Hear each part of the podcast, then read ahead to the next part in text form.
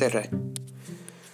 jah, täna on siis ähm,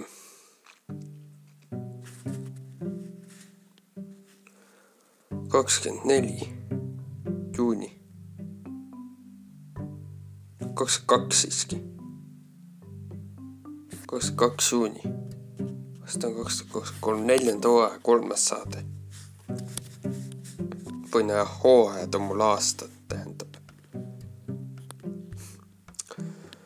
enne kui ma hakkan, lähen tänaste teemade juurde, mis on Cambridge'i kummitused.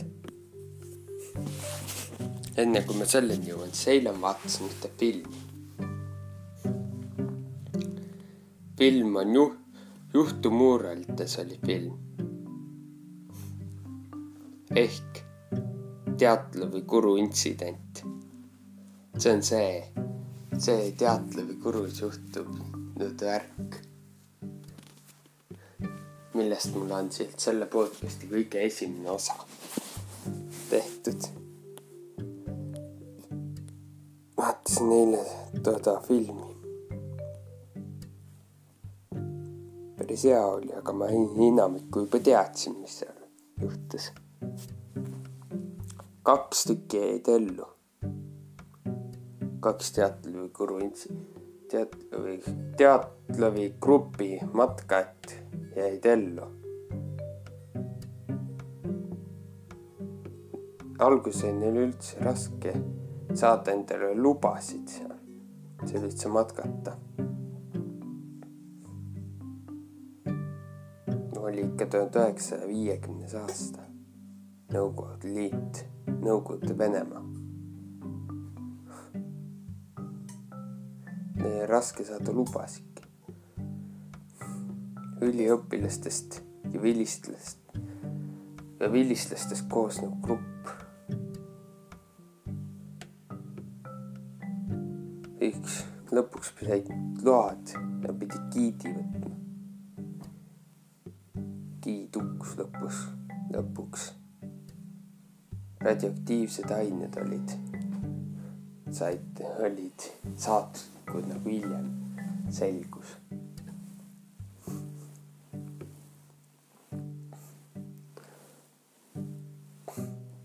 Nad läksid Mansi pühadele mäele, kus oli mansi keeles, nimi oli mansi keeles Ära sinna mine. ronisid sinna peale. sinna on praeguseks pandud ausammas neile ja seal veel. jah. Seal on veel sarnaseid õnnetusi juhtunud.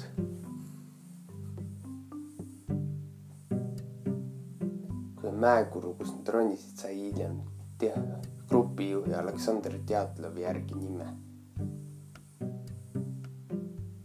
ja see, mis see Igor oli, sai, oli giid, tegelikult nuhk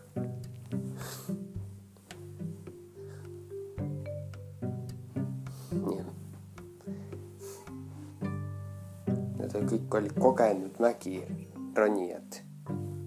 kõik teadlikuru läinud kogenud mägironijad ja neile mitukümmend tundi mägi ronimise all ikkagi juhtus selline asi. telk tagantpoolt lahk, lõhki lõigatud, ise kadunud mõned leiti mõnekümne meetri kauguselt ja nii edasi. täpsemalt esimesest osast kuulete selle kohta. jah, eile vaatasin seda uut filmi selle kohta. kaks meest jäi maha, üks pööras ümber poole tee peal. sest ta tundis midagi, aimas midagi halba. ja ütles teistele, et on halb olla ja pööras ümber. ning üks jäi koju, sest ta oli haige. Need jäid ellu. ülejäänud hukkusid.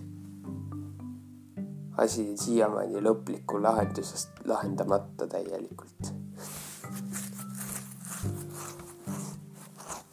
aga nüüd Cambridge'i kummitusteni.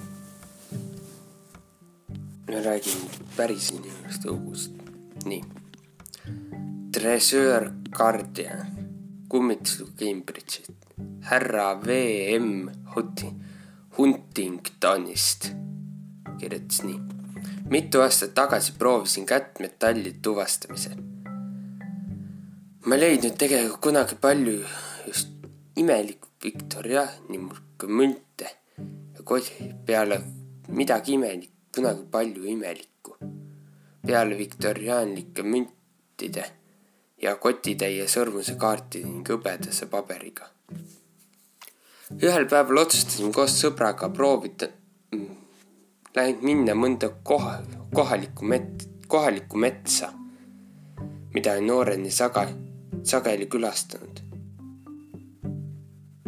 sealne puit oli üsna, sealne puit oli üsna väheväärtuslik kuid sellel oli salapärane taust. sealne mets oli üsna väike, kuid selle salapärane taust. metsas oli vallikraav, kuid keegi peast nüüd teadnud, mis kunagi selle saare keskel oli seisnud. isevalmistatud metallidetektori ja kellu abil sõitsime mina ja sõber metsa ning veetsime mõnda aega seal selle linnuse juur-, linnuse juures. pallikraavi juures. ja korjasime peale prügi. tee oli ka prügi. minu sõbral hakkas natuke igav ja ta rändas ta kraavi uudistama. samal ajal kui mina jätkasin maapinna avastamist, lootes sealt midagi leida lõpuks võtsin signaali ühe puu alt. kuid nii palju, kui ma muldasid kaevasin, kui ma, nii palju, kui ma muldasid kaevasin, ei leidnud ma midagi metallist, mis oleks mulle sealt signaali andnud. pärast mitut minutit kaevamist koputati mulle õlale. siin on midagi, kuid ma ei leia seda, ütlesin ma üles vaatamata. õlale koputamist korrati ümber pöörates ja otsides üle ja seda asja otsides ning vaadates, noh, vaadates, kas ma näen oma sõpra. selja taga olin šokeeritud, kui leidsin sealt üldse, kui ei leidnud sealt üldse kedagi tuttavat. mida? Veidi segaduses olles ringi vaadates märkasin ma sõpra enda ees umber kahekümne meetri kaugusel puude vahel. helistasin talle üle ja selgitasin, mis juhtub. tundes end veidi nähtamatust õla koput-, tundes ennast veidi nähtamatust õla koputamisest. hirmutatult mõtlesin just naasta selle augu juurde, mille olin puu juurde teinud, kui tundsin jõulist lööki selg, valu selga, seljas habaluude vahel mulle piisas sellest, oli seal aeg sealt minema minna. Läksime kiiresti ära. ma ei tulnud sinna enam kunagi tagasi. kuid puu otsas oli kindlasti midagi leidmist väärt ning otsustasin, et kõige, oli kindlasti midagi. see oli väärt see leidmist ning otsust, mis ei olnud väärt see leidmist. ja ma otsustasin, et kõige parem on see üksinda sinna jätta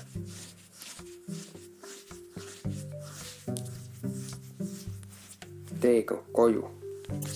teega koju on järgmine lugu uh,. uudne lugu Cambridge'ist. jälle, härra M Cambridge'ist. Ma pole ise kindel, kas see oli kummitus, mida ma nägin, kuid see oli ikka, on ikkagi sündmus, mis on aastate jooksul meelde jäänud. töötasin sel ajal Peterburgis mitu aastat tagasi ja pärast tööd pidin sõitma bussiga koju.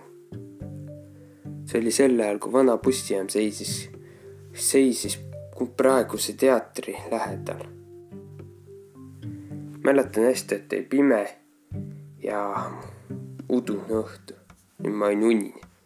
istusin ühe vanast puidust bussiootepaviljoni alla, et vihma eest varjule saada, kui ootasime bussi minu juurde sõit pööramist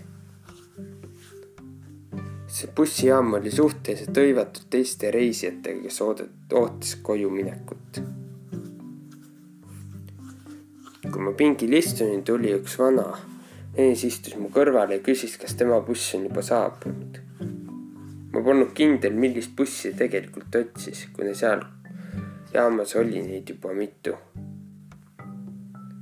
siis me vestlesime natuke vaikselt, lühike üle, rääkisime ilmast ja ootasime koju jõudmist. arvasin, et nägin oma bussi sisse sõitmas ja tõusin püsti, et lahkuda, kuid eksisin ja istusin uuesti maha. kuid vana mees, kes mu kõrval istus, oli läinud. ma arvasin, et võib-olla ta pidi minema minuga. nii, kus ma jäingi? eks pingil istunud tuli üks vana mees su kõrvale ja küsis, kas on buss on juba saabunud. Ma polnud kindel, millist bussi tegelikult otsis, kui seal, kus jaamas, seal jaamas oli juba mitu. vestlus oli vaikne ja lühike ilm üleval ilmast ja ootas koju jõudmist. arvasin, nägin bussi sisse tulemist, tõusin püsti, et lahkuda. kuid eksisin, istusin uuesti maha vana mees, kes mu kõrval istus, oli läinud.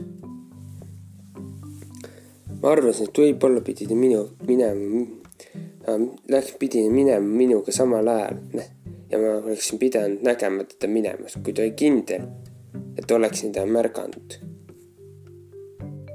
lõpuks jõudsin buss kohale ja suundusin majast, hoonest välja. kui vaatasin aknast pimedusse,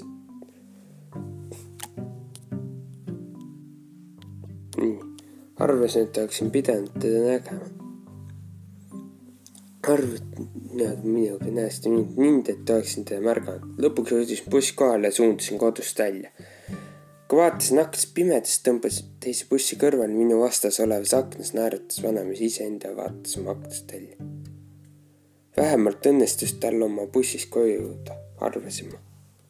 mulle tundus kummaline see, et vana kepp neis olevat tereda valguse käes, mis pani ta teiste reisijate seast silma paistma valgustete ja pimeduses. Siis ta ütleb veel, et ei saa ausalt öelda, mis see oli täpselt, kas see oli kummitus või mitte. aga ma nägin, aga tundus talle väga reaalne sündmus, mis on väga ebaharilik. kummalised tunded MS Cambridge'ist enne ema maja kaasas, kaasajastamist, enne maja kaasajastamist Norwichis, minu ema majas. aast-, umbes aastatel tuhat üheksasada kaheksakümmend neli kuni tuhat üheksasada kaheksakümmend kuus, kaheksakümmend seitse. kuulsime, et sammud läksid mööda peamist magamistuba. Nad olid nii realist-, sammud olid reaalne, nii realistlikud lapsena tabas meid varem toas viibimise peale hirm, kuigi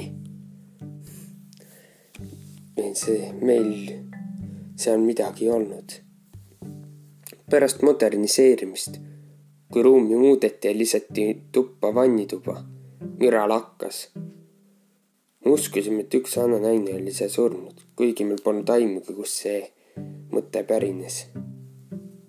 kui maja moderniseeriti, leiti, et maja on vajunud leiti, et maja vaju on vajunud ja seda nii tõsiselt, et koliti majast välja. see võis olla vastutav helide eest. kuigi asjaolu, et helid olid ainult ühes toas, tundub väga veider.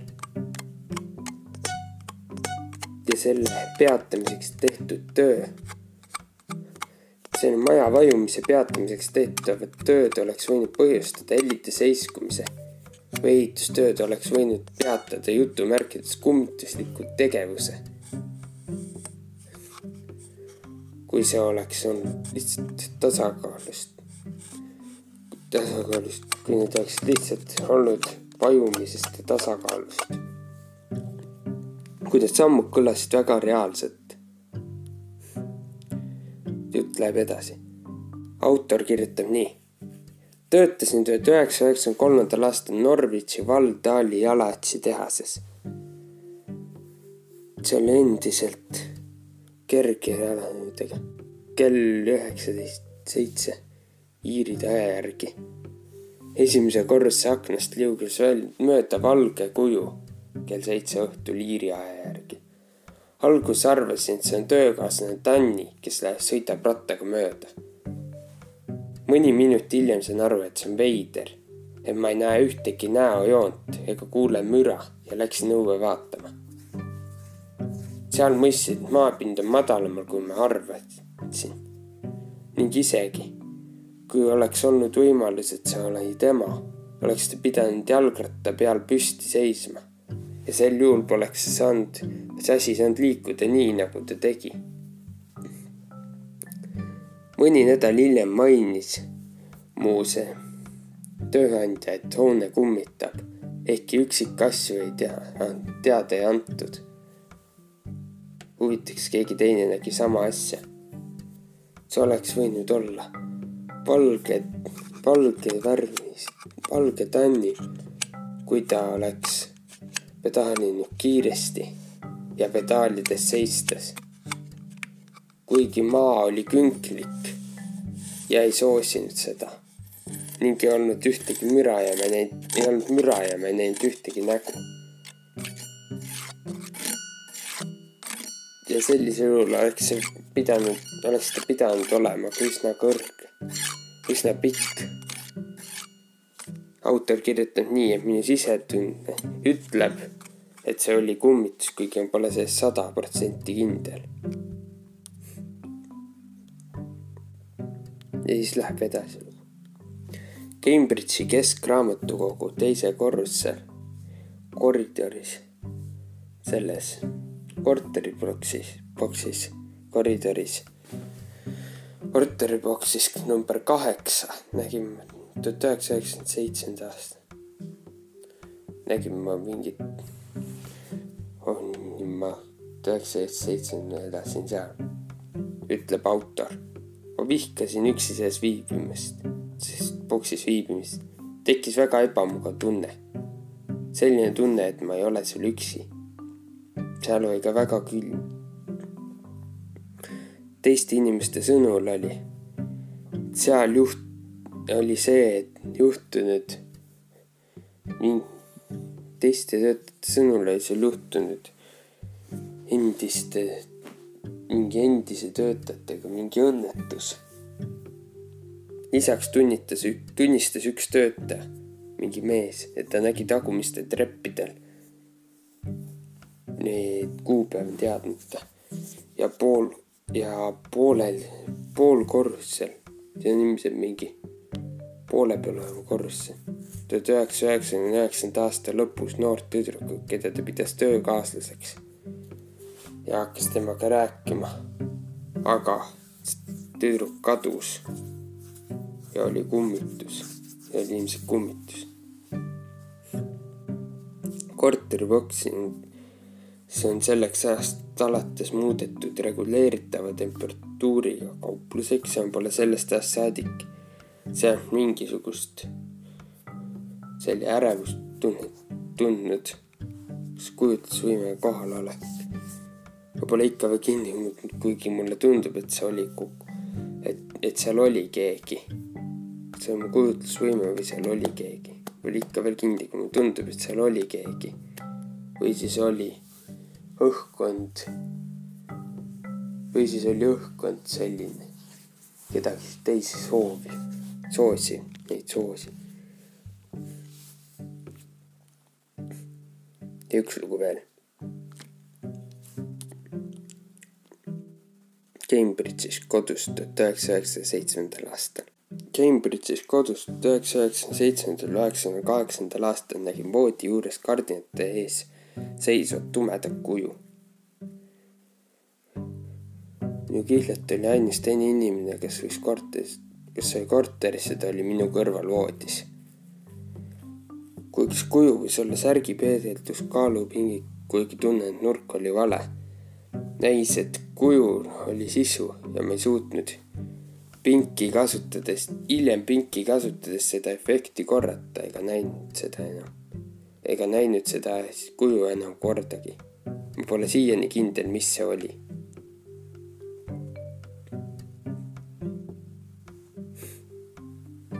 ja siis veel üks lugu. Cambridge'i bussipeatuses Sunnisbury's Goldham Lane'i lähedal oli natuke vett ma olen alati väga rahutu. olenemata sellest, seal väga rahutu, olenemata sellest, kas see on valge või pime. olenemata ilmast. ja kui ma olen selle lähedal.